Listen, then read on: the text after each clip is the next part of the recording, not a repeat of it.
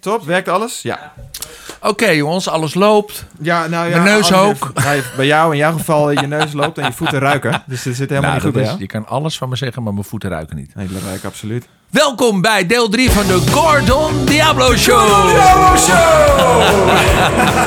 nou, laten we nog even doorgaan. Of Oh, ja, gaan we even door? orkest? Ja, we gaan door hoor. Ja. We zijn nog niet... Een lekker, lekker introotje. Ga je improviseren?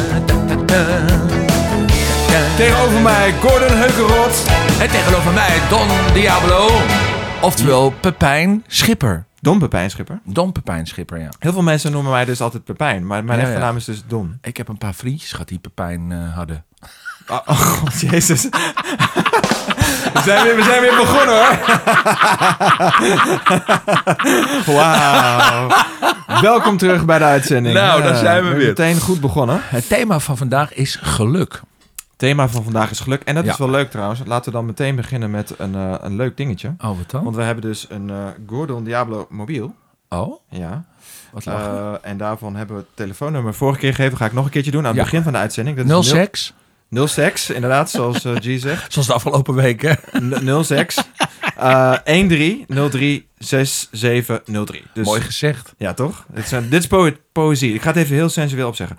06 13 03 6703. Dat is dus de Gordon Diablo mobiel. Kan je naartoe bellen. En eh, nou, we gaan even eentje uitpikken van deze week. Dat is Kat die heeft gebeld. En dat slaat ook een beetje... Kat, eh, kat, ja. De kat heeft gebeld. is Toto thuis? nee, kut. Nee, eh, sorry Oh, Kat. dit is sorry, Kat. Kat. Ze heeft een heel lief bericht achtergelaten. En het slaat ook een beetje op de show van Oké, vandaag. Vertel. Hey jongens, ik heb met heel veel plezier naar jullie podcast geluisterd. En ik ben het helemaal eens wat Gordon zei over de negativiteit. Ik ben daardoor ook een beetje klaar met social media, om te zijn. Ehm, heel veel succes in het vervolg. En ehm, ik luister graag naar jullie. Nou, wat lief. Nou, we hebben dus inderdaad een aantal mensen gehad met suggesties ook. Oh. eh, voor eh, eh, shows. En een daarvan was natuurlijk liefde. Ik bedoel, het is straks... Ja. Het is Valentijnsdag geweest. Was gisteren.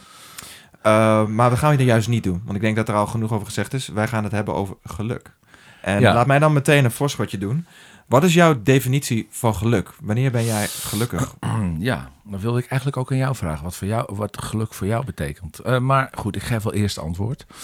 Eh, ik weet het niet. Ik, ik heb in de loop der jaren geleerd dat eh, geluk in hele andere dingen zit dan wat heel veel mensen denken.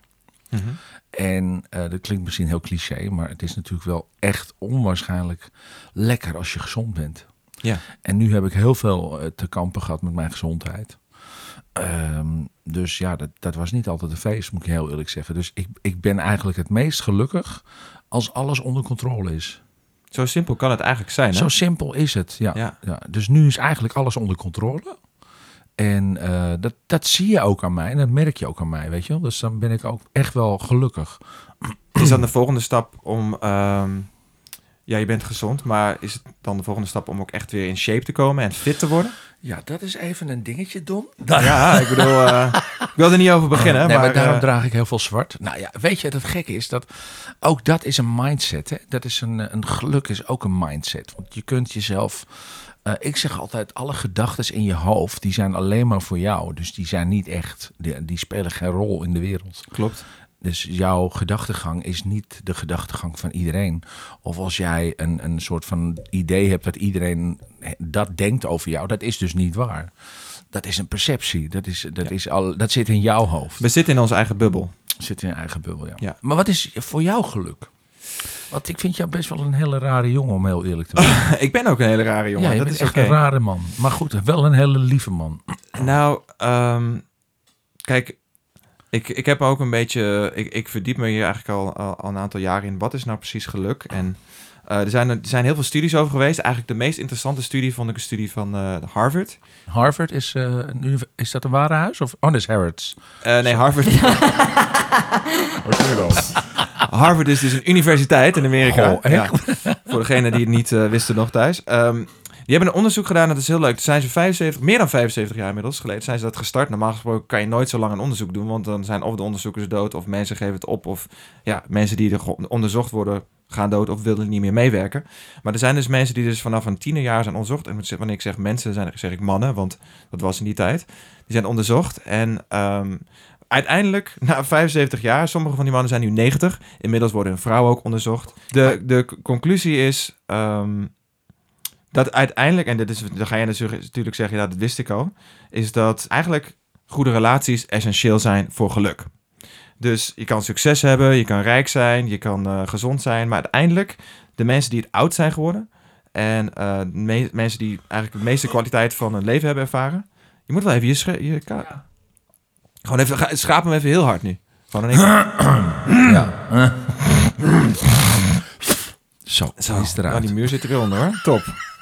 Oké, ja, ben je er, is het weer, zijn we weer gezellig? Ehm, nou, eigenlijk komt, er op, nee, eigenlijk komt erop neer dus dat, dat eh, wat zij dus ze- zeggen, is dat eenzaamheid een soort vergif is. En eh één op de vijf mensen voelt dus eenzaamheid. Ja, dat klopt. Ehm, maar de grap is, eenzaamheid zit dus eigenlijk niet... Je kan ook in een huwelijk zitten en je eenzaam En eenzaam Je kan ook in een mensenmassa begeven en je altijd eenzaam voelen. Dat zit dus in je hoofd. En wat dus voor mij eigenlijk... Jij vraagt dus aan mij, om dan zo even terug te komen daarop. Wat is voor mij geluk? Ja, voor mij is... Het klinkt heel stom. Aan de basis van geluk ligt discipline. En hier clashen wij heel vaak over. Hè? Want jij zegt altijd bijvoorbeeld... Ben je nou weer aan het trainen? Of ben je nou weer aan het doen? Waarom doe je het altijd zus? Waarom doe je het altijd zo? Kijk, voor mij... ehm, ik spreek iets met mezelf af... En dan wijk ik daar niet vanaf. Sommige mensen hebben dat met een religie. Eh, sommige mensen doen dat eh, op een eigen manier. Ik doe dat op mijn manier. Dat is niet saai. Voor mij is dat een soort van de, de weg naar succes. En succes kan leiden naar geluk. En wat bedoel, hetzelfde geldt gezondheid. Hè? Daar kan je aan werken. Mentale gezondheid, fysieke gezondheid. Ehm, en dan ga ik helemaal terug naar de basis van wie ik ben. Ik ben Don Diablo, ik maak muziek. En eh, dan zeggen mensen, ja, eh, je bent blessed met eh, een creatief vermogen. Maar ik moet heel eerlijk zijn, eigenlijk van het jongs af aan ben ik vooral heel erg gedisciplineerd geweest. Ik heb heel hard gewerkt om te komen waar ik ben door middel van discipline. Dus ik heb mezelf de creativiteit aangeleerd. Dat betekent, ehm, alles wat je wil doen, alles wat je wil bereiken in het leven, gebeurt eigenlijk gewoon met hele kleine stapjes. Dus hetzelfde is met muziek maken. Ehm, Ja, het kan heel pijnlijk zijn als het niet lukt. Dan zit je echt, dan is het de worst time. Dan kan je super ongelukkig zijn. Maar iedereen denkt dat je begint op een niveau ja, waar je andere mensen op ziet. En dat is het probleem. Dus discipline is voor jou geluk. Nee, nee, nee. Kijk, ja, nou ja, voor mij, kijk, voor sommige mensen zit het in het hebben van een gezin. En eh, jou misschien zit weer heel erg, het kan misschien een hondje zijn. Waarom ik zeg maar ben waar ik nu ben, is dat ik vanaf mijn vijftiende al heel gedisciplineerd in mijn omgaan met geld. Hetzelfde geldt voor mijn dieet. Ik bedoel, ik, ik heb, jij hebt nu overgewicht. Ik heb altijd overgewicht gehad. Nou, laten we het even over gewicht hebben, ja? Ja, laten we het even over gewicht hebben. Eh, en nee, ik, heb ook, overgewicht? ik heb ook 30 kilo te veel ge- En- gewogen. Ja, ik heb een foto van jou gezien. Nou, ik ben me echt het lazers geschrokken. Dat is echt een compleet ander mens. Ja, en... en, en Toch had ik je gedaan. Hey! Thanks man. Dat, I appreciate it. Nee, Ook- ook, nee, eh, ook- goud. nou, niet? Nee. Nou. Niet Ja, dat is niet waar natuurlijk. Ik heb gewoon even met, en dat, dat is iets waar jij misschien wat meer moeite mee hebt, want jij, jij bent wat losbandiger. Hè, jij hebt, bedoel, je bent, Maar dat ben ik ook niet altijd geweest hoor. wanneer, heb- wanneer kwam die omslag? Ja, ik, god, eh, ik was 32 toen ik in aanraking kwam met, met drugs. En ik heb tot mijn 26e nooit gedronken. ik was anti-drugs en alcohol. Ja? Ik kan me ook nog steeds niet voorstellen, althans. nu, nu niet helemaal meer. Maar er is een tijd geweest dat ik me gewoon echt niet kon voorstellen dat mensen dat deden. Ik vond het verschrikkelijk. Dus wanneer ik was je allereerste keer? Eh, dat was in. eh, dat, dat begon met een, een- zo'n kwart ecstasy-pilletje. Hoe kwam je in die, wie, wie had dat? Hoe kwam je in die situatie? Dat was in Café de Nieuwe Liefde in de Regulus Dwarsstraat.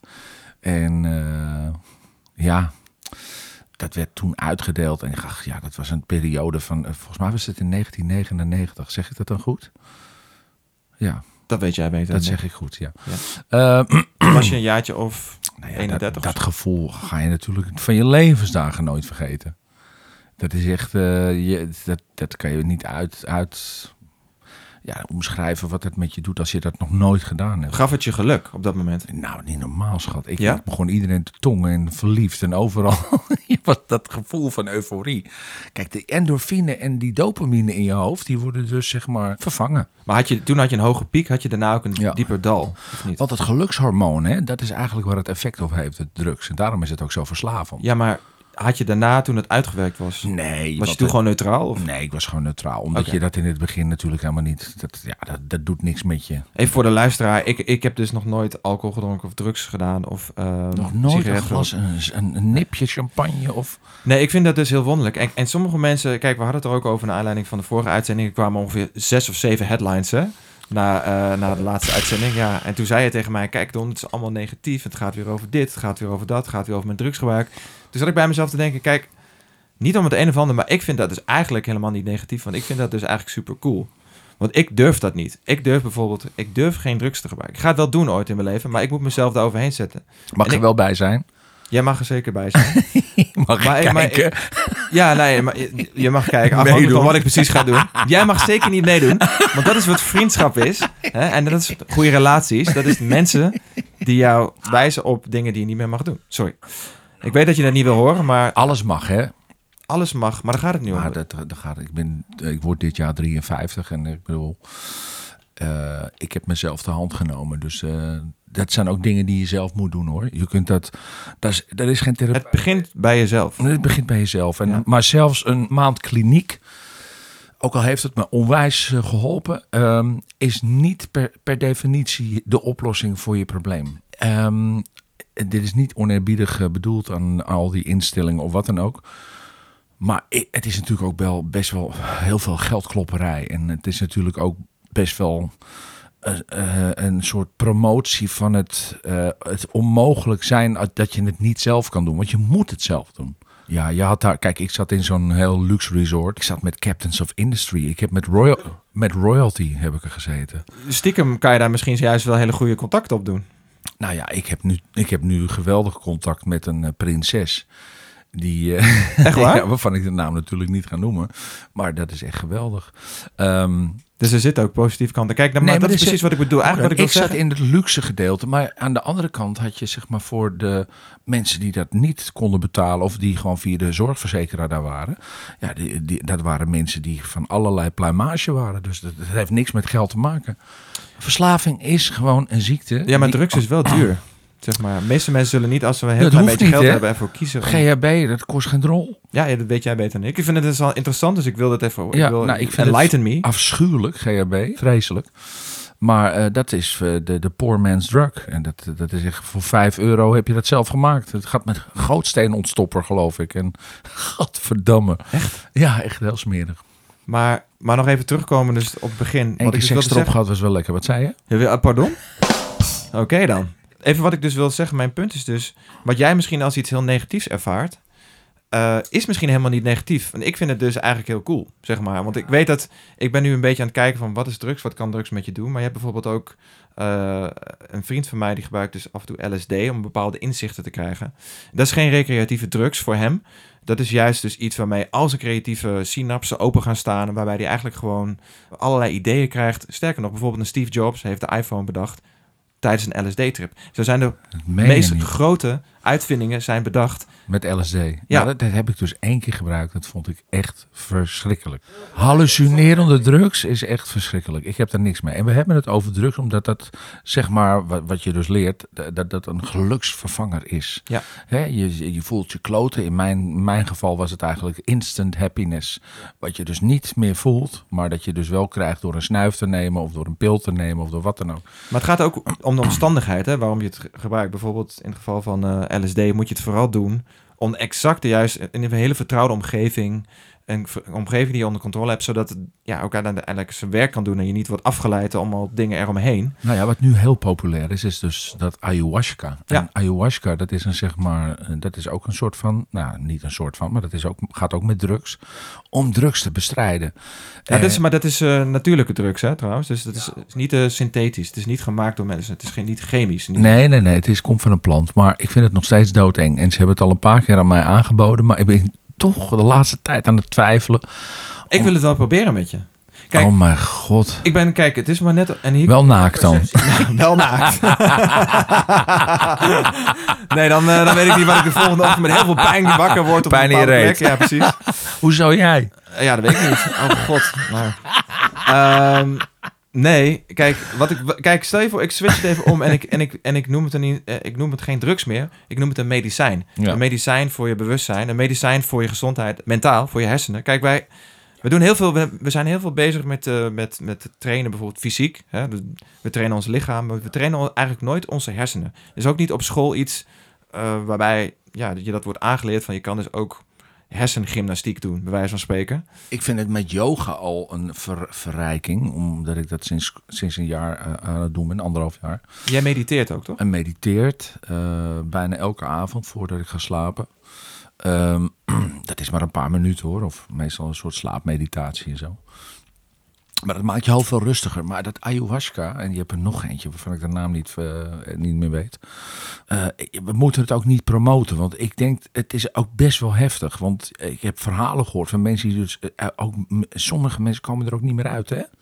Dus er Het zijn wel mensen- uitzonderingen, maar je moet je even, altijd even inlezen. Maar het is belangrijk dat je het doet onder hele goede begeleiding als je het gaat doen. En je, je moet ook voor je jezelf zeker- vragen stellen die je wil bea- beantwoord Ja. hebben. Je moet er met een doel ingaan. Dit het verschil tussen een partydrugs en een, ja, een medicijn, bij wijze van Hmm. spreken, voor je bewustzijn. Ik Het denk- schijnt dat je er gelukkiger van wordt. nou, dat, kijk, en dat is dus wat mij dus heel erg eh, nu ja, aan het twijfelen doet brengen. Want ik heb dus mensen die dus... ehm, zie het leven als als een berg, zeg maar, die je moet beklimmen. En naarmate je hoger op die berg komt, heb je, je hebt een rugzak op. En dan gooi je steeds meer stenen in. En dat is je verleden, dat is je geschiedenis. Uiteraard, wat je eigenlijk moet doen, is elke keer die rugzak leeggooien. Maar heb ik een paard en wagen achter me lopen. Maar dat bedoel ik. Maar dat is dus helemaal niet nodig. Want je staat al op de punt van de berg... waar je dus eigenlijk die bagage helemaal niet nodig meer hebt. Nee. Het schijnt dus. eh, ja, je kan dat natuurlijk voor jezelf doen. Dat is mijn hoogste doel om mijn verleden achter me te laten. En daarmee kan ik dus volmaakt gelukkig worden, hopelijk ooit op een dag. Mm, ik weet niet of het gaat lukken. Bestaat niet, schat. Bestaat niet, maar dat is het doel. Hè? Je moet altijd een doel hebben, je moet ergens mikken. En als je eronder terecht komt, dan heb je het goed gedaan. Ik denk dat heel veel mensen dat moeten zich realiseren. Dat perfecte, het perfecte geluk bestaat niet. Nee, ik, ik denk zelf altijd, iemand, mensen zeggen altijd, ik ben niet gelukkig. Maar ik denk ook, dat kan niet. Je kan ook niet gelukkig zijn. Je kan wel momenten van geluk ervaren. Ja. En die kan je steeds vaker achter elkaar schakelen. Maar voor de rest ben je gewoon. Je bent ook niet ongelukkig. Je moet jezelf realiseren dat je gewoon iets bent. En dan, als je een, een, een, een moment van paniek hebt, moet je dat realiseren van dit is tijdelijk. En dat is natuurlijk ook heel veel dingen die je ervaart zijn gebaseerd op je verleden. Dat moet je dus niet doen. Dat moet je dus juist doen op een moment dat je dus gelukkig bent. Nou ja, Maar- heel veel mensen nemen dus de antidepressiva, omdat ze, eh, ja, je moet ze de kosten geven om eh, dat te onderdrukken. Ja, ja dat eh, Miljoenen mensen. Absoluut. Meer mensen dan je En, denkt. ja, en nu helemaal, omdat iedereen toch wel best wel vrij neerslachtig is, somber is. Mhm. In deze tijd waarin we zitten. En eh, ik, ik begrijp het ook, want ik heb zelf ook mijn momenten dat ik echt thuis zit. Dat ik denk van, maken we dit nou echt mee met z'n allen? En hoeveel pech kan je hebben als ondernemer zijnde dat je drie zaken al ten dode zijn opgeschreven? Komt er ook nog eens een keer de strengste winter ooit bij? Ja, maar dan zou je, en dan op dat moment zou je dus moeten omdraaien. Want jij relateert dus eigenlijk ander ongeluk. Je, je telt het bij elkaar op. En je moet eigenlijk Ja. de dingen altijd los van elkaar zien. Van dit overkomen we wel, een beetje wind of een eh, weer of whatever. En dat is, belangrijk, en- dat je dingen en- bij elkaar en, gaat optellen. Het is en, en, en. Maar dat is het dus niet. Want Nee. het andere, dat, dat, is al, dat is al geconditioneerd. Je staat al op die berg, dat heb je al overwonnen. Dat heb je al lang achter je gelaten. Er komt er iets bij, een, klein, een paar steentjes. Maar als je al die andere stenen nog in je rugzak hebt, dan val je achterover. Rol je weer terug die berg af. Het is dus belangrijk om altijd te lossen. En dat, kan je dus schijnbaar dat kan doen dus met, met een, mediteren. kan dus met mediteren, het kan met yoga, het kan zijn met Ja. gesprekken met vrienden, het kan zijn door, Door dit? door dit, absoluut. Ja, maar het kan ook zijn bijvoorbeeld, eh, neem een, je hebt ruzie met een familielid. Ehm, Nooit gehad. Nooit gehad. nou ja, hadden we het dus laatst over. Jij hebt dus inderdaad, eh, er is, hè, zijn er genoeg family feuds, zal ik dat zeggen? Ja, maar bij mij wordt het altijd extra uitvergroot. Maar goed, maar dat is met alles, geloof ik. Maar ik bedoel, dat heeft iedereen. Dat is, vindt in mijn Daarom. familie plaats, vindt in jouw familie plaats. Dat iedereen die nu luistert, heeft dat. Het enige is eh, dat je denkt dat je het achter je kan laten. Maar ondertussen is het toch stiekem wel een, een ballast op je schouder. Ondanks dat je denkt van, dus oké, ik hoef die persoon nooit meer te spreken. Ga eens proberen, weet je, uiteindelijk om die persoon gewoon op te bellen en te zeggen, fuck it, we zijn morgen dood. Ja, dat, Het dat spijt me zo, dus het spijt jou ook. En Ja. laten we dit, laten we die stenen in ieder geval uit onze rugzak werpen. Ja. En dat zou ik vandaag al doen, letterlijk. Ik denk elke keer nog eh, dat, eh, hoe heet die, die presentator van, familie, van fami- familiediner, dat met zo'n limo in de straat komt rijden, dat mijn familie eruit stapt. Nee, ik heb een hele goede band hoor, met mijn familie. Niet iedereen, maar dat hebben ze onderling ook niet.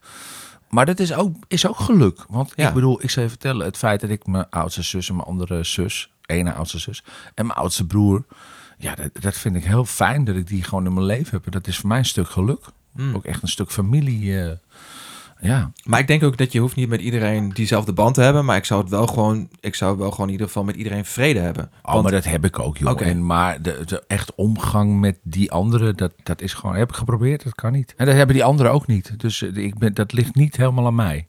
ik denk ook, een van die dingen hè, over in die Harvard-studie was ook de kwaliteit van relaties. En ik denk, het maakt ook niet uit wat voor relatie. Wij hebben ook een, een relatie in die zin. Wij zitten hier elke week. Je weet dat dat volgende week in de bladen staat, hè? Eh, ja, nee, maar...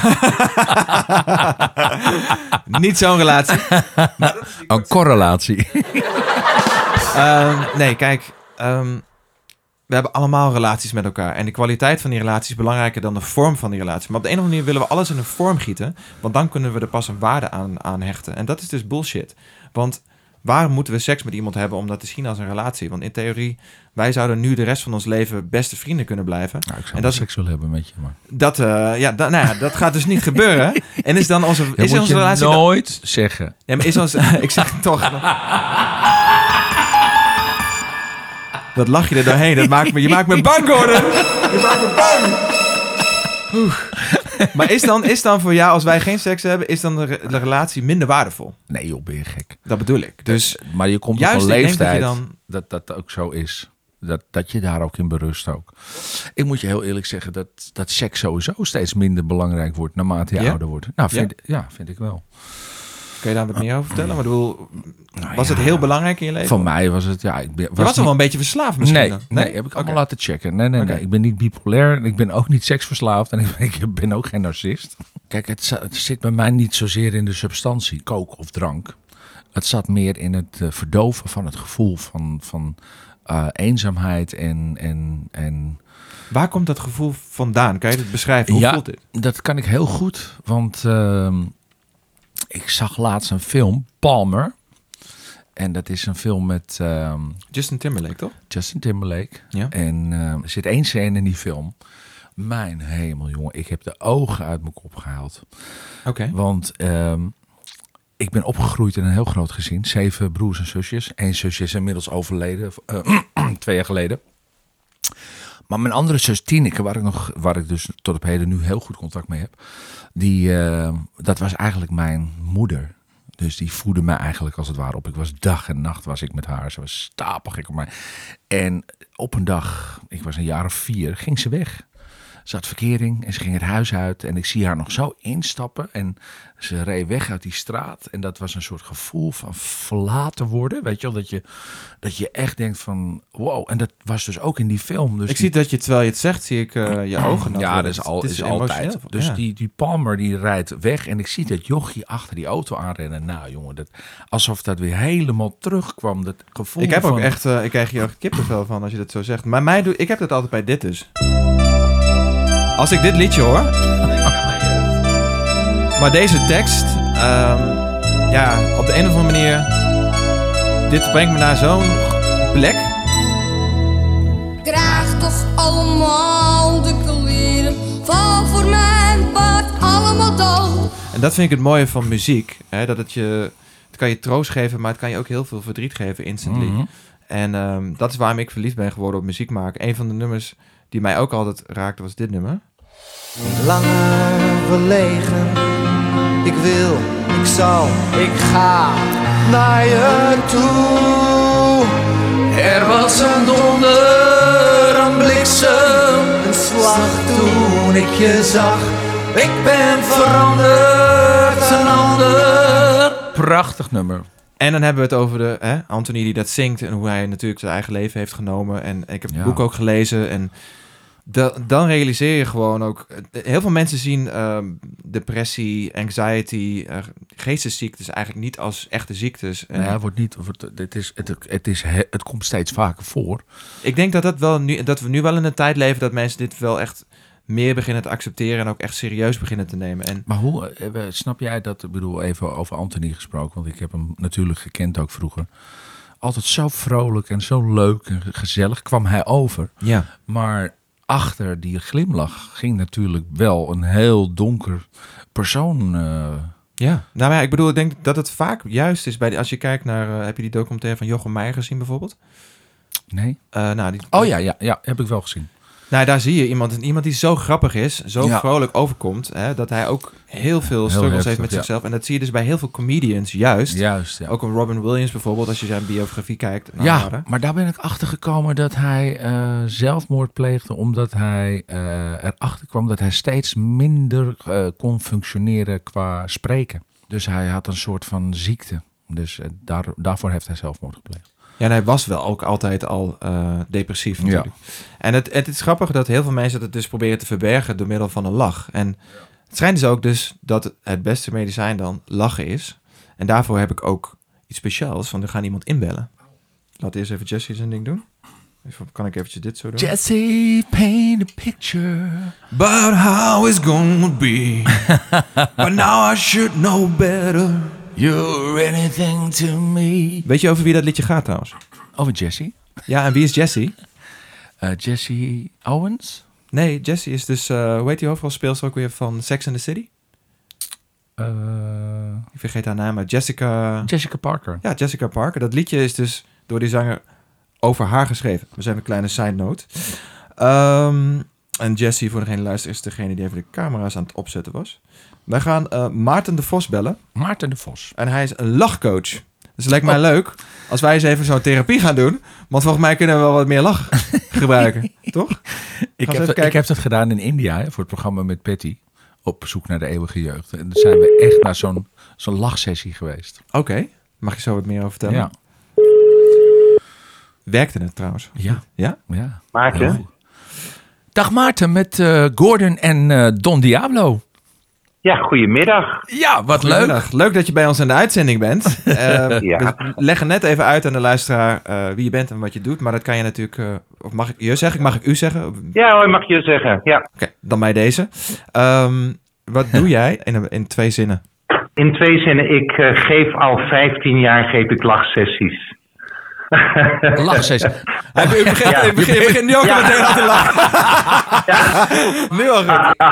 Nou, laten we even... ja, nou ja, kijk. Ehm, het meeste... Ja, het meeste wat ik doe is dat ik met een groep, en dat kan een bedrijf zijn, maar het kunnen ook groep particulier zijn, ga ik een uur lachen. Ja. En uur? het heet, eh, het heet eigenlijk, officieel heet het lach yoga. Hè? Dus we gaan, we gaan niet zozeer eh, grappen maken en daarom lachen. Nee. Maar we gaan eigenlijk allerlei lachoefeningen doen om de lach op gang te brengen. Dat is Ja. eigenlijk wat we doen. Ja, we zijn er klaar voor hoor. Ja, zijn jullie er klaar voor?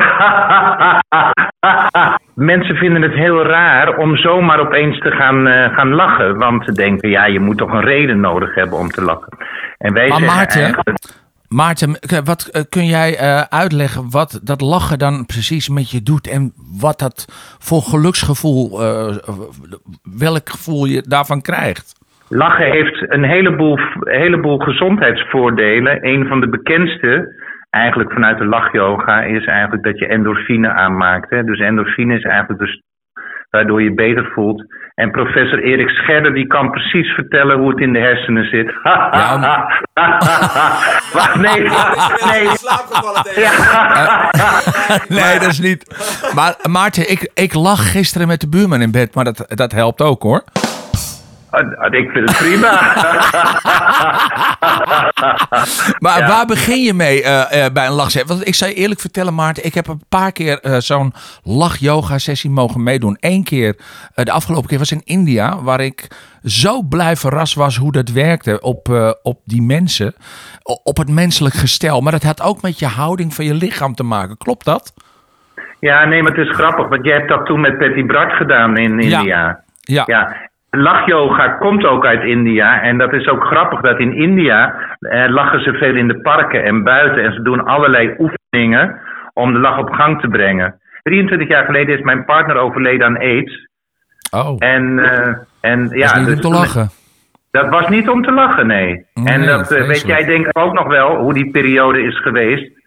Van, Nou, ik heb eh, nooit aids gehad, dus... Nee, maar misschien wel dat je mensen... Ja, nee, ja, vreselijk. Ja, dat was in de, in de it- in de it-tijd, in de jaren tachtig. Ja.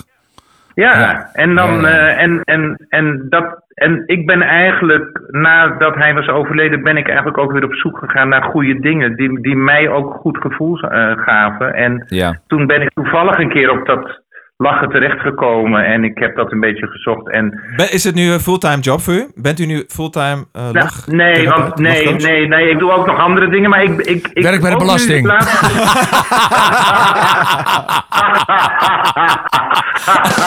nee, maar nou... Nou, dat is niet Ja, om te maar, lachen. maar weet je wat jullie merken? Als je alleen al lacht, het is zo lekker, of niet? De meeste mensen denken eigenlijk, je lacht als je gelukkig bent. En wij denken eigenlijk, nee, je lacht om allerlei redenen. Dus je kunt gewoon gaan lachen zonder reden. Je hebt niet per se grappen nodig. En Gordon, ik weet dat jij gewoon heel goed bent in de ene grap naar de andere grap maken. Daar ben ik iets minder... Nou, maar goed, dus we kunnen gewoon eigenlijk lach, gaan lachen. En als je gaat lachen, ga je je eigenlijk beter voelen. Maar dan moet je even aan wennen, want mensen Ja. denken vaak... Nu in deze tijd van corona, er is niks te lachen. Hè? Want het is allemaal vervelend nieuws. Nou, nu met de sneeuw is iedereen blij. Nou, Nou, dus dat lach, is lach als wonderen. Nee, want kijk, heel veel dingen die wij doen om ons beter te voelen, Ja. die hebben allemaal nadelen. Verslavingen. Ja, schat, eh, vertel hè, mij wat. Eh, Ja, vertel jou wat, ja. ja, maar kijk, lachen, lachen heeft, heeft totaal geen nadelen. Het heeft gewoon heel veel voordelen en het is gezond. Want het, het, het, maakt je, het maakt je minder somber, je krijgt een hele goede doorstroming. Nou, dat zijn allemaal dingen doe. Dus wat ik dan doe is eigenlijk, eh, hè, als je dan zegt een kleine oefening, maar mensen moeten het een beetje begrijpen, anders kunnen mensen niet meegaan. Eigenlijk is een klein, hè, want de, de techniek, dat is altijd weer het volgende. Het eerste is een beetje de mindset van, hè, eh, kun, je, kun, je, eh, kun je gewoon de lach gebruiken eigenlijk voor je gezondheid? Dat is eigenlijk wat ik doe. Ja, ja, en ja. Een van de dingen die we kunnen doen, hè, trek je mondhoeken maar even naar beneden en denk even, oh corona, corona, oh wat vreselijk. Hoe lang duurt dit nog? Hè? Nou, en denk maar alle sombere dingen die je denkt, denk je vreselijk. En misschien nog andere dingen, die vervelende dingen die je hebt meegemaakt. Nou, trek je mondhoek ja, omhoog. vreselijk. Trek je mondhoek omhoog. Ja, ja, kijken jullie even naar elkaar. Trek je Ik heb mondhoek een even vreselijk omhoog. meneer de Maak Vos. even een glimlach. ja. En maak even die lach groot. Nou, die, de grote lach is voor jou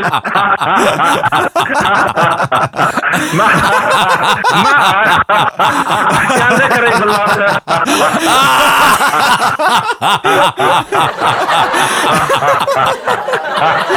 Ja, Oh, jongens, jongens, jammer dat ik jongens, jullie niet kan zien nu.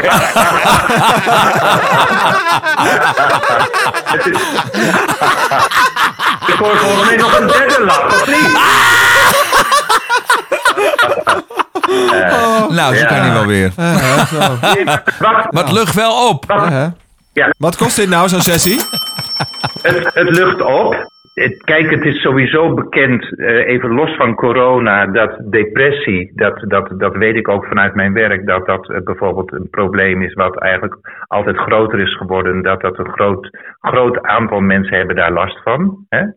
En, eh, dat, dat neemt, en, en nu in deze tijd merk ik ook gewoon, want ik geef nu eigenlijk vooral online lachsessies, dat ook bijvoorbeeld echt? bedrijven. Ja, ja, ja, ja. Oh, ik leuk. geef elke week, elke week geef ik op dinsdagavond geef ik een, eh, een eh, online sessie. En ik doe ook voor bedrijven, geef ik ook online. En met name eh, nu na de kerst is dat eigenlijk meer toegenomen. Ook omdat mensen ook een beetje gek worden van de hele dag thuis. ja, Maarten. Maarten, dankjewel. Ja, waar, waar kunnen mensen terecht, eh, Maarten, als ze een, zo'n sessie bij willen wonen? Wat is jouw Ze website? kunnen gewoon even kijken naar lachcoachamsterdam.nl. Lachcoachamsterdam.nl. Ontzettend Ja. bedankt. Super bedankt. Hey, succes mannen. Dankjewel. Gedaan. Zullen we nog lieve even, Maarten. even lachen nog even aan het einde, nog één keer? Ja. Kom, nog even één keer, Gordon, kom op. Geef maar, geef me je beste. Daar gaat hij. Maar Gordon En begint. lekker vanuit de buik, hè? Bye Maarten. Ja, dag meneer de Vos. Yo, doei. Doei. Doei. Wat een leuke man, joh. Leuke man, hè? Word je toch ook gelukkig van? Dat bedoel ik. De internet is a beautiful place, wat je er allemaal vindt. Hè? Wat hij, hij zei één ding trouwens, wat, wat, me, wat, ik, waar ik, wat me deed denken. Eh, als je ongelukkig voelt, ga je meer eten Ja. bijvoorbeeld. Nou ja, of ongezonder. Ja, en ongezonder in ieder geval. En ehm, ja, wat ik... Laat, we hebben het vorige week al eventjes over gehad, over prikkels. Hoe meer prikkels je hebt, hoe minder ruimte er is om, om na te denken. Stel je voor, je wil dus een dieet volgen, dan koop je gewoon dat eten niet. Hmm. Punt. Dan is, het, is die mogelijkheid ook weg. No Hetzelfde geldt voor social media bijvoorbeeld. Ehm, Social chlamydia noem ik het. eh, nou ja, kijk, het ding is, wat ik dus heb, waar ik dus achter ben gekomen de afgelopen maanden, ook tijdens de pandemie, is dat we zoveel prikkels hebben, er is zoveel keuze, dat onze hersenen continu dus bezig zijn. Overvoerd worden we. Ja, en hetzelfde geldt eigenlijk als ik dus bijvoorbeeld wil diëten, want, eh, omdat ik weer 5, 6, 7 kilo te veel weeg. Dan ga ik dus een aantal prikkels weghalen, zorg ik dat het eten er niet is. En dan op een gegeven moment krimpt mijn maag. Hetzelfde geldt eigenlijk voor de wereld. Als wij continu prikkels hebben, we zijn al, jij zit ongeveer 8 uur per dag schermtijd heb je op je mobiel, zei de vorige keer. Als je die prikkels weghaalt, heb je gewoon een meer... derde van je dag. Ja, dat is een derde van je dag. Maar stel je voor, je haalt die prikkels weg, dan heb je ook minder behoefte. Want dat is hetzelfde met je maag. Als je minder eet, krimpt je maag, heb je minder behoefte. Ja. Als je die prikkels weghaalt. Eh een van de dingen die ik dus bijvoorbeeld doe, is dat ik, ik ben een jaar geleden gestopt met e-mail. Ik kreeg overal kreeg ik informatie vandaan. Vanuit eh, eh, telefoon, WhatsApp, Facebook, Instagram. Op een gegeven moment zei ik gewoon tegen management, ik stop met e-mail. Ik weet dat bijvoorbeeld Ed Sheeran is zelfs gestopt met telefoon. Kan je niet telefonisch bereiken. Als een manager wil spreken, moet hij gewoon naar hem toe rijden en hem iets vertellen. Of op gezette tijden zet je je telefoon even een uurtje aan. Ik zit daar ook wel eens aan te denken. Zou dat ons allemaal niet veel gelukkiger maken? Ja, want Als je, we daar gewoon massaal van af zouden stappen. Ja, want je Want het creëert is een nieuwe allemaal bubbel. zo nep ook. Het is allemaal zo fake. En, en iedereen is zo gelukkig op het internet. En zo fantastisch. En ze hebben zo'n goed leven. En ze zijn zo gelukkig met elkaar. En ik word er af en toe helemaal misselijk Nou, van. het creëert een soort van distorted realiteit. Ja, maar ik, zeg realiteit die dat ik er zelf ook aan meedoe. Ja, tuurlijk. Ah ja, maar wat is dan bijvoorbeeld bij jou de reden? Want jij, toch heb jij de drank, zeg maar. Je hebt dan een hondje en daar ben je heel gelukkig mee. Ja. Toch wil je dat heel graag meerdere malen, heel, ja, best wel vaak delen. Nou, omdat ik weet dat ik heel veel, heel veel mensen worden er blij van. En dat, dat daar doe. Nou ja, niet dat ik dat in eerste instantie daarvoor deed. Maar ik merk gewoon dat er heel veel mensen. Oh, ik kan niet wachten. Dat als er een filmpje op is, dan ben ik weer helemaal blij. En ja, ja? nou ja, dat, dat vind ik. Als je andere mensen er blij mee kan maken, waarom niet? Dus dat is dan maar aan de, andere, de andere, andere kant denk ik van eh, zoveel gezeik eh, over gekregen. Dat ik denk van. eh, goh, misschien moet ik er gewoon maar mee stoppen. Gewoon. Maar dan winnen ze, weet je wel. Dan winnen die haters en die, die mensen die, die trollen, die internet trollen. En dat, weiger ik gewoon. Ja, en, en, en, en ik denk ook, weet je wat ik, wat ik mezelf Doe er toch niemand kwaad mee? Nee, nee, maar kijk, Nee. wat ik me ook gerealiseerd heb, ook naar aanleiding van, nee, ik neem eventjes het hondjesincident voor jou als voorbeeld, is dat, ehm, ehm, ja, gevoel is niet symmetrisch. Dus zeg maar, dat betekent, jij hecht veel meer waarde aan een negatieve comment dan een positieve comment. Dat doe ik ook, doet iedereen. Zo zit de wereld in elkaar. Dus je krijgt 50 complimenten. Iemand zei van de week iets heel moois. Soms zie je door één duim naar beneden de duimpjes omhoog niet meer. Ja, nou dat heb ik dus ook. Als ik sta op te treden en ik sta in het publiek en er staan dat 60.000 man Heb ik ook me. wel eens, ja. Ja, toch? En er staat er één zo'n guy Oh. bij dat hek. En zo te doen. Van, Ja, dan is mijn avond gewoon fysiek. ja erg En we zoomen altijd maar op detail. Stel je voor, ik heb een show gedaan. Ik, ik treed op op, op, eh, op, op een groot festival Ultra. in Amerika. Op Ultra of zo, of in Miami of in New York. Waar ik binnenkort mee meega. Waar je meegaat. En dan loop ik, dan ben ik klaar met die show. En dan loop ik slapen. helemaal met de... Hou nou eens op. dan loop ik dus dat, eh, dat podium af. En dan zien mijn, eh, zien mijn team zien eigenlijk al een soort van onweer in mijn hoofd. Omdat ik dus één foutje heb gemaakt. In plaats van dat ik me dus focus op dat ik zojuist 40.000 man heb vermaakt. En dat ik dus eigenlijk gewoon gemurderd heb. Lig ik dus s'avonds gewoon naar het plafond te staren met een heel zwaar gevoel in mijn maag. En dan denk ik, kut, waarom ben ik zo? En zie je dan ook zo'n schaakbord? Ja, inderdaad. En dan, eh, ja, trouwens, ja, dat is wel De. Queen's Gambit. En dat is, de hele, en dat is het verschil waarschijnlijk. Want dan op dat moment ga ik dus weer terug. In plaats van andere mensen zouden dan misschien gaan vieren en een Ja. afterparty gaan. Ik ga dan inderdaad weer terug naar mijn computer. Ik ga dat, de verbeteringen opzoeken. Kijken waar ik... Het is een soort van Formule 1 race. Ja. Door net die ene bocht net iets krapper te pakken. En net daar iets meer gas te zetten. Nou ben jij natuurlijk niet helemaal in orde. Dat is... eh, Ik ben uh, knettergek natuurlijk. Of zoals ik! Dus, eh, en dat geef ik ook toe. En dat is oké. En, maar eh, één ding, wij maken elkaar wel gelukkig. Ja, absoluut. Toch? Ja, nou... Nee, we geven elkaar momenten van geluk. Ja. Dat moet je blijven realiseren. Oké, ja. En, maar jij bent bijvoorbeeld wel iemand, en dat heb ik wel gemerkt aan jou. Kijk, jij bent wel soms stuur je me wel eens een bericht als ik vijf uurtjes niet gereageerd heb of zo. Van, eh, nou, eh, je bent me vergeten, en wat gebeurt Je er nou? verwaarloost me. Je verwaarloost me, zeg je altijd. Kijk, ik ben iemand, en dat zeg je, ik, ik, ik, ik verdwijn op een gegeven moment gewoon een volledige week. Want voor mij, Ja, is, dat weet ik. voor mij is het belangrijk als ik zeg maar... eh, ik moet mijn gedachten en mijn creativiteit echt de ruimte kunnen geven. Dus ik moet echt niemand Hm. spreken. Dan moet ik me echt heel lang, heel geconcentreerd... in één ruimte begeven. En dan, nou ja, dan spreek ik mijn moeder niet, jou niet. Het is niet persoonlijk. Nee, Sommige- nee, nee, nee. nee. En dat weet je dus vanaf nu. En soms, nee, maar dat weet ik al lang. ik heb ja. dus Chunkit, maar jij, hebt dus wel, jij, jij ziet dat, eh, ja, jij hebt... Verwaarlozing. Ja, maar ik heb zoiets, weet je wat ik met de... Ja, zo zie jij dat dus. Ik heb, sommige vrienden spreek ik soms een jaar, twee jaar, drie jaar, vier jaar niet. Het gaat niet om de hoeveelheid dat je elkaar spreekt. Het gaat om de kwaliteit. En daar, daar komen, dat zeiden we in het begin al. Het gaat niet om... Het gaat hoe om hoeveel eruit komt. Precies, want hoe vaak zie je ook niet stelletjes in... Wauw. Damn it. Ja, vind je dat fijn? Is dat fijn als er heel veel uitkomt en heel weinig? Heb je daar een voorkeur in? Ja, wil ik, dan wil ik het weten ook. Vind je dat erg als er meer uitkomt? Houden ze vol. Nee, dat wil ik weten. Nou, je, ik vind wel dat je eruit moet halen wat erin zit. Ja, nou ja, duidelijk. We gaan het daar niet over hebben. creativiteit is, iedereen is creatief. Maar het probleem is, we zijn overprikkeld. Dus dat betekent, wij geven helemaal geen ruimte aan die creatieve persoon in ons. En het gaat niet om dat creativiteit, dat je daar succesvol mee bent. Want succes Mm. is maar relatief. Het betekent dat iedereen eigenlijk zou eigenlijk gewoon in iets creatief kunnen zijn. En creativiteit geeft, geeft geluk, want je creëert iets. En als je iets gecreëerd hebt, dan heb je iets in je handen wat Ja. jij hebt gemaakt. Hetzelfde geldt, je, al ga je breien, bij wijze van spreken. Ik bedoel, maar dus, Nou, dat is onmogelijk, heb ik geprobeerd. heb je dat geprobeerd? Ja, Ja. pas het- geleden nog. Met zo'n oud, oudje van 100, die ging mij breien. Maar ik laat alle steken vallen, maar dat is inherent aan mijn leven. Er zit ook een steekje bij je los al, dus ja, nou, daar begon het al niet goed. Maar stel nou, hè. je Maar heb je er nog wat van opgestoken dan? Ja, maar...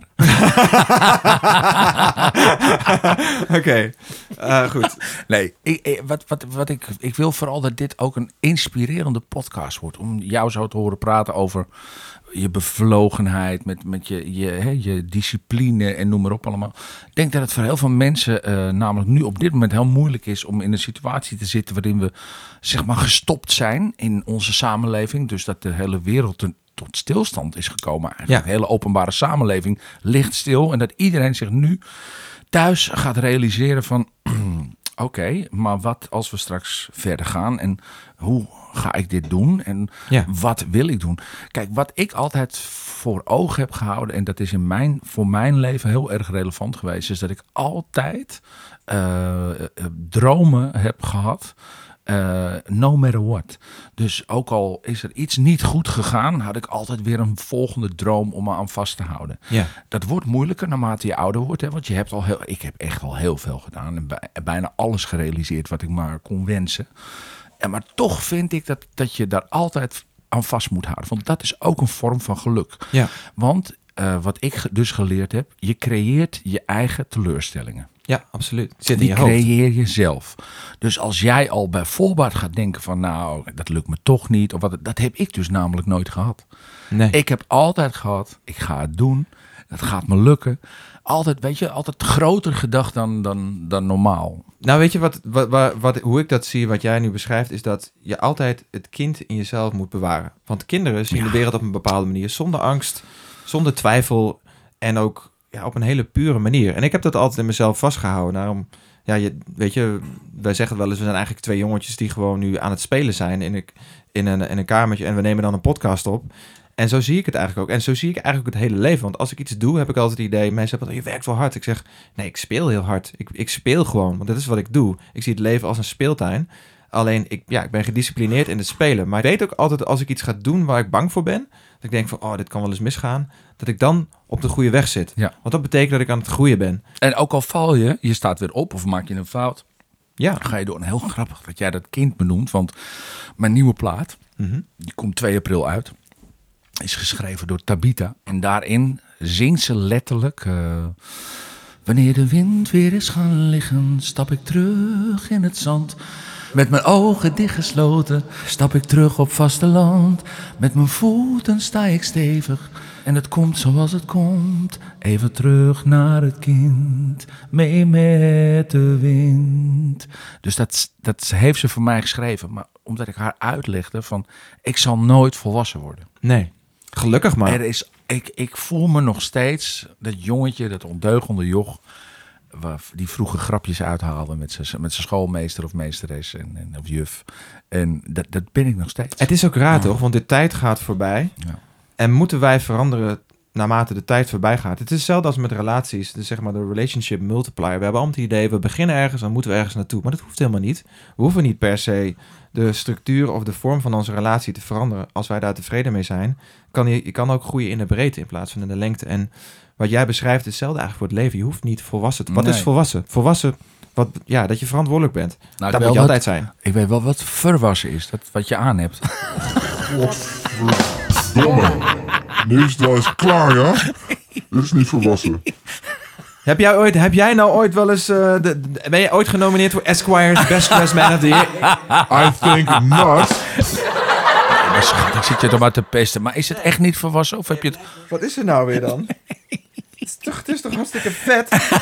Nee, het is niet vet. Je hebt het gewassen, zie ik. Nee, het is niet zo vet als jouw haar op dit moment. Maar dit moet ook wel eens een keer gewassen worden volgens mij. maar dit is een ander ding. Maar eh, nee. Oké, zou een relatie jou gelukkig maken? Nee, want eh, daar, ben, daar, daar ben ik wel achter. Dat is wel heel stellig. Ja, daar ben ik echt achter. Kijk, ik ben sowieso een soort van... Einzelganger. Ja, maar ook een autist denk ik wel eens bij mezelf. En, dat, en, het- en nogmaals, wederom, ik vind een autist Nou, niet iets negatiefs. Ik vind juist... hier ook, hè? Een autist-ingang had je hier. Wauw. Kedenk. Dank u wel. Nou, eh... Het autistenvak, daar ben je gewoon ingerold. De grootste autist van Nederland. ja, jongens. Maar wel steenrijk geworden daarmee. Nou, kijk, Dat hebben ehm, we wel. bij mij zit rijkdom gewoon echt in... in eh, Op je in- bank. Nou ja, de, ja ik bedoel, hè, we gaan niet alle clichés vandaag aanroeren als geld maakt niet gelukkig. Natuurlijk maakt Maar het gelukkig heb ik geld. Gelukkig heb ik geld. Ja. Dat, is, dat zijn feiten. Maar kijk, we willen ons altijd aanpassen. Hè. Hetzelfde geldt voor bijvoorbeeld voor relaties. Maar dat is dus helemaal niet nodig. Want je moet gewoon iemand zoeken die bij jou past. We denken altijd dat we zelf falen en dat er niemand bij ons past. Ja, maar ja. lieverd, even serieus. Dat is toch gewoon, dat is, wordt voor mij toch onmogelijk gemaakt in dit land. Dat kan toch nooit meer lukken. Daar heb ik me echt bij neergelegd. Stel je voor, je wordt het vriendje van. Mhm. Nou, dat is verschrikkelijk. Nee, dat is niet waar. Dat is verschrikkelijk. Maar je denkt er nu al zo over. Dat, nee, maar dat, is echt verschrikkelijk. Waarom Ik is zou dat- verschrikkelijk? nou ja, dat is, dat hele land valt over je heen. Ik heb het Mm. nu een paar keer meegemaakt met vriendjes die zeg maar in de openbaarheid kwamen. Nou, die, dat, is, dat is gewoon bijna niet uit te leggen. Gewoon.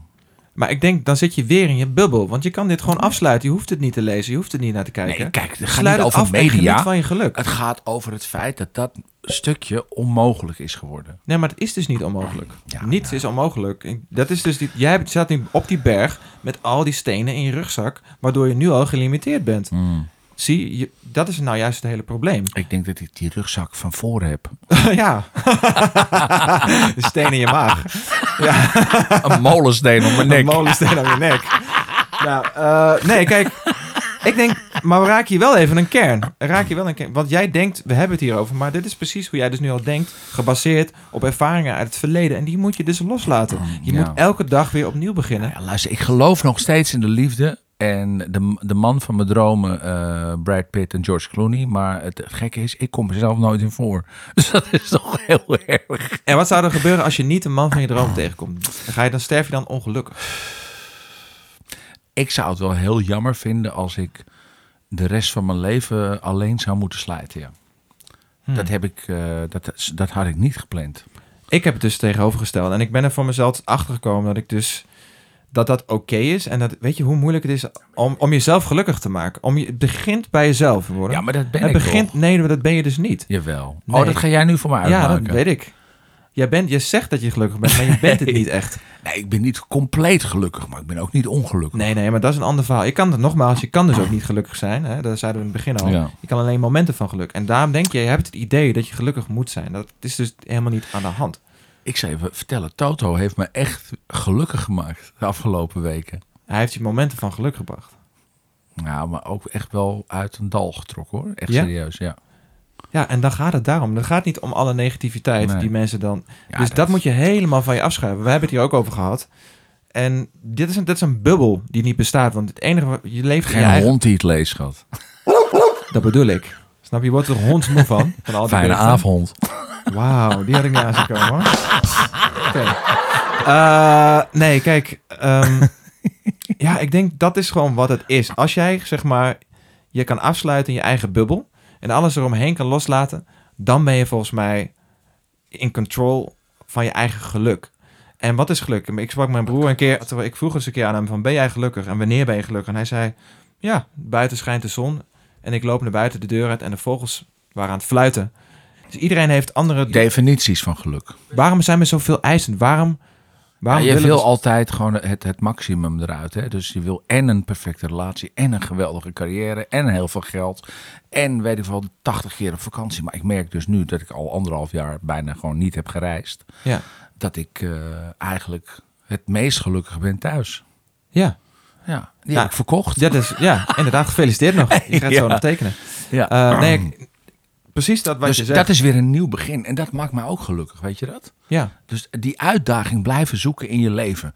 Eh, niet vasthouden aan, aan stramine van, van, van ehm, eh, gewoontes of, of wat dan ook. Weet je wel. Er zijn altijd uitdagingen in je leven die je aan kan gaan. Met jezelf vooral. Die het leven ook weer gewoon ontzettend leuk maken. En zoals ik nu weer een nieuwe stap ga zetten. Kijk, ik weet wat ik achterlaat. Dat is een hele grote stap. Van 22 jaar op een plek wonen. ja. Dat is niet niks. En tegelijkertijd is het een hele kleine stap. Want wat is het ja, nou? Niks. Ja. Eén handtekening. Ja. En drie, en drie miljoen verder. Hoeveel miljoen? 3 miljoen. 3 miljoen verder. Nou, kijk, dat zijn geen kleine stappen. Eh, maar nee, ik denk dat dat het is wat het is. Kijk, ik ben ineens heel gelukkig. ja, geld maakt dus wel gelukkig. Nee, nou sowieso. Het helpt wel, maar het maakt niet gelukkig. Nee, ik denk, ik denk dat mensen te, te... Geluk is niet te koop, maar dat is ook onzin. Geluk is gewoon te koop. Nee, maar als je nu, nu, nu luistert, ik denk dat mensen kijken naar, naar bijvoorbeeld die, die koppelen succes aan geluk. Hè. Inmiddels weten we dat dat dus niet, Absoluut niet, niet zo. klopt. Maar ik denk dat het... ehm, ik bedoel, ik wilde al heel graag bijvoorbeeld schrijven. Ik wilde leren schrijven. En ik, ik, ben, ik heb journalistiek gestudeerd, daar hebben we vorige keer over gehad. En ik dacht, ik ga een boek schrijven. En dat duurde... Ik weet niet, op de ene manier krijg ik al mijn hele leven kreeg ik geen woorden op een papier. Het was een soort van berg die ik niet kon beklimmen. Dyslexie. Nee, nee, helemaal niet. Gewoon het idee dat ik het allerbeste boek alle tijden moest gaan schrijven. Dat gaf mij zoveel angst dat ik gewoon geen woorden op papier kreeg. En toen ging ik eigenlijk gewoon denken... Nee, ik ga gooi gewoon een woord op papier. Ik begin met één woord, nog een woord, een zin, tweede zin, een derde zin. Ik keek gewoon terwijl ik aan het schrijven was en dacht ik, weet je, ik kom daar later wel op terug, dan maak ik dat beter. En toen bedacht ik, nou, zou mijn eerste boek misschien niet de allerbeste zijn, maar ik moet wel gewoon fucking gaan beginnen. Ik moet daar naartoe groeien. Het idee dat je dus gewoon kijkt naar andere mensen, wat je vroeger niet had, internet, al die prikkels, dat je dus kan zien waar andere mensen zijn, wat zij al doen, waardoor je die lat voor jezelf te hoog legt en uiteindelijk niet aan begint. Ja. Tuurlijk moet je gewoon, begin je gewoon als een sukkel. Dat is prima. Ik zie mezelf nog steeds als een sukkel. Want als ik kijk naar mensen die ik respecteer en, en waardeer, die zijn veel verder dan ik. Uh, ja, dat zijn verschillende mensen. Het kan een George Lucas zijn, de, de, de, de regisseur van Star Wars, maar het kan ook, kan ook een David Bowie zijn. Het kan uh, een, een, een, Jim een Burton. Tim Burton. Tim Burton zijn, inderdaad. En, uh, Steve Jobs. Uh, je, ga zo maar door. Weet je, allemaal mensen waarvan je denkt van, nou, daar ga ik nooit komen. Maar daar gaat het ook niet om. Het gaat erom dat je echt gewoon begint met dat eerste stapje nemen. En dat is... Maar nu kan je inmiddels wel schrijven. Ja, dat, zo ben ik eigenlijk gewoon begonnen, inderdaad. Het was ook soms... mijn nichtje was dyslesbisch. Dat is heel erg. Nee, dan schreef ze bijvoorbeeld het woordje top en er stond de pot. Nou, weet je waar ik wel achter kwam, als je daar toch over hebt, hè? um, kijk, wat maakt, wat maakt mij gelukkig? Hè? Even gewoon even heel simpel gezegd. Heel stom. Twee scharende meisjes. Twee, nou, kan ik trouwens wel van genieten, ja. Vind ik leuk. Ja, jij hebt daar niks mee waarschijnlijk. Twee scharende meisjes. Nou, ik schaam me dus wel onder de mannen die dat dus leuk vinden, ja. Er zijn misschien schaars, maar ik vind dat dus leuk. Laten we eens even bij elkaar scharen. Nee, um, ja. Jongens. Ja. Wat wou je nou zeggen? Ja, wat was nou mijn punt? Help me nu even op, die fucking, op het fucking zadel weer. Dat zou ik niet doen, schat. Als jou.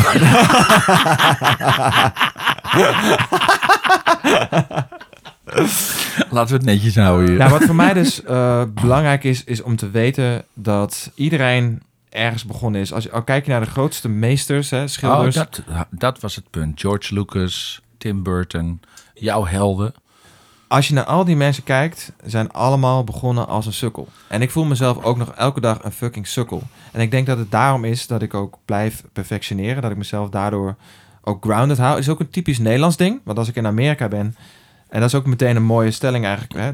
De, wij hebben hier in Nederland hebben een hele andere instelling dan bijvoorbeeld in Amerika. Als ik daar ben, en ik moet zeggen, ja, sommige mensen haten het en sommige mensen houden ervan. Ik moet, ik vind het persoonlijk wel fijn als mensen positief zijn tegen je. In Nederland zijn we natuurlijk heel nuchter en we zijn er heel erg op gebrand om eventjes aan te wijzen wat er kut is aan jou of hè, wat er niet werkt. In Amerika is het soort van, Wow, I love what you're wearing. komt gewoon een vreemde op straat en die zegt gewoon, I love your jacket. Echt waar? Zeggen ze dat tegen 100%. Ik verkoop mijn mensen dingen in Amerika. Daarom. Daarom ben jij succesvol in Nederland en ik succesvol in Amerika. Zie? Mag jij kiezen wat je liever wil? it's so wonderful what you're wearing. nou ja, ik vind sowieso dat wij gewoon met z'n allen een beetje aan het eh, verzuren zijn in deze maatschappij. Als je ook kijkt naar de hele tendens op, op weer die social media, weet je wel. Daar word je nou echt niet gelukkig van. Dus de conclusie is, als je die prikkels weghaalt, Ja, dan ben je op dat moment, heb je er ook geen last meer van. ja inderdaad. Toch?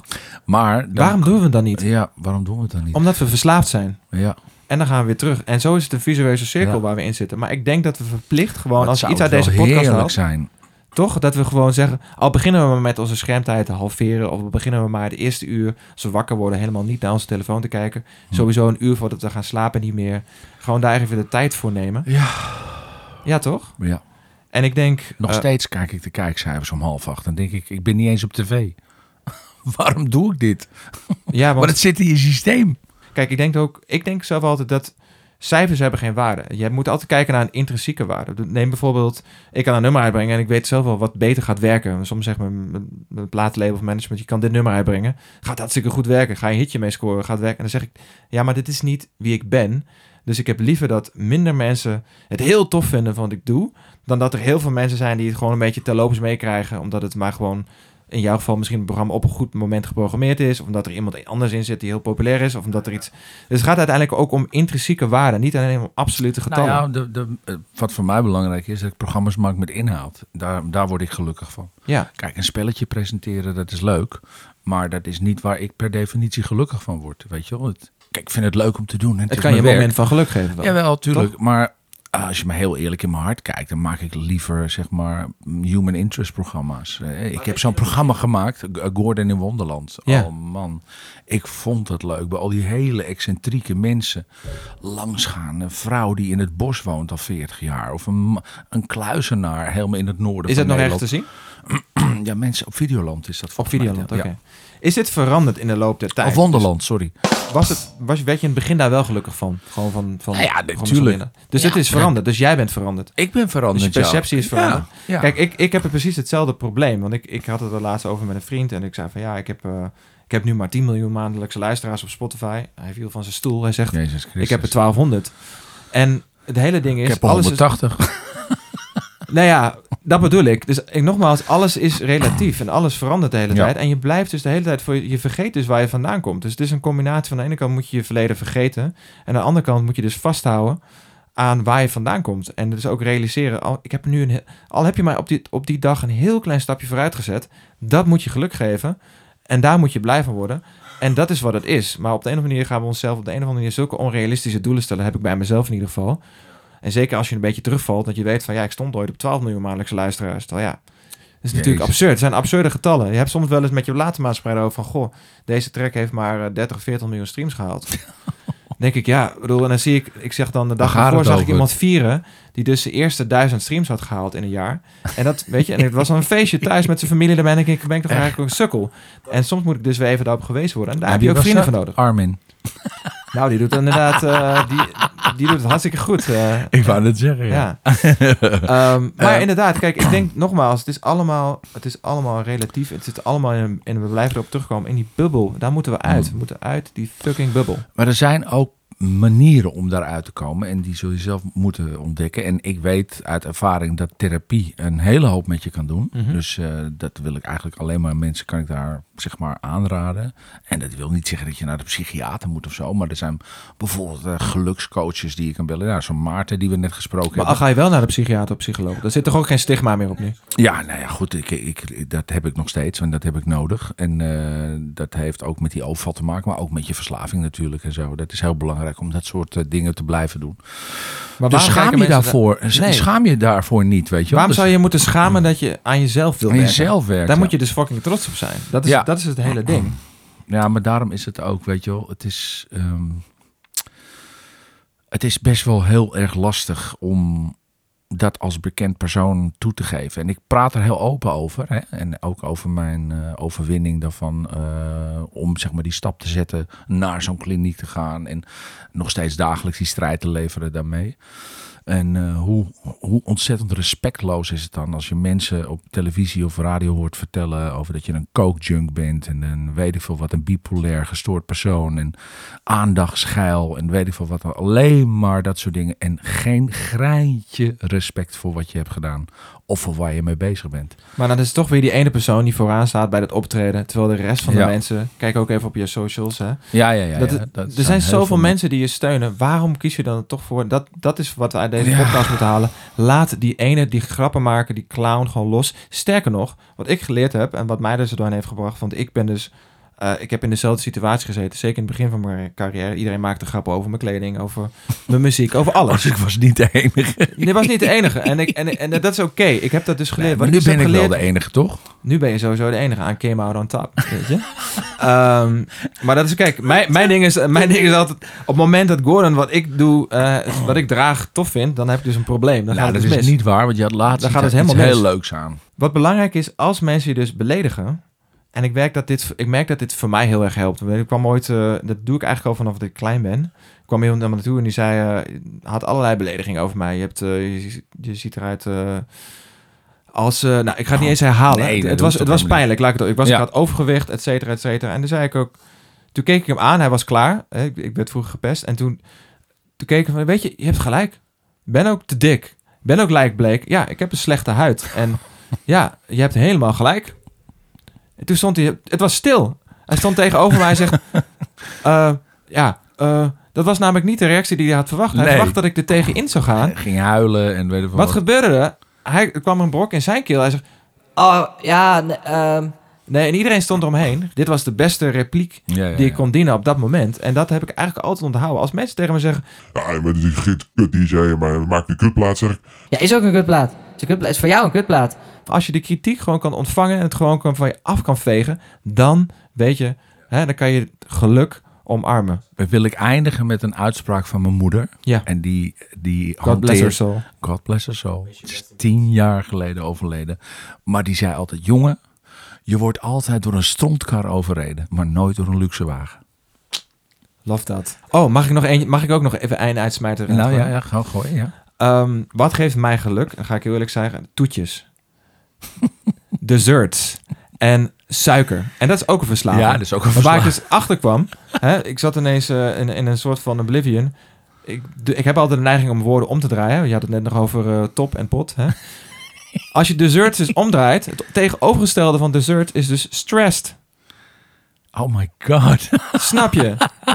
Dus, wat eet ik als ik wil ontstressen? Dessert. En dat is af en toe oké. oh want mijn god, wat een goeie. het is af en toe ook oké om jezelf even te laten gaan en Ja, even van het moment te genieten. Dat moeten we ook niet vergeten. Volgende week zijn we er weer. En nogmaals, we hebben dus een Gordon Diablo mobiel. 06 13 03 6703. 06 13 03 6703. Daar kan je dus niet naartoe bellen, even voor alle duidelijkheid. Je kan er wel naartoe whatsappen. Stuur ons een tekstberichtje met mogelijke onderwerpen voor volgende week of wat je van deze uitzending vond. En je kan natuurlijk ook voice notes achterlaten op onze WhatsApp. En wat is het thema volgende week? Wat, we- eh, liefde. Zullen we liefde doen? Als jij dat wil. Ja, tuurlijk. Gordon, ik, ik hou van jou. Ik hou van jou, schat. Volgende week zijn we er weer. Zelfde tijd. Ik heb er zin in. Ik ook. De Gordon Diablo Show! Tot volgende week.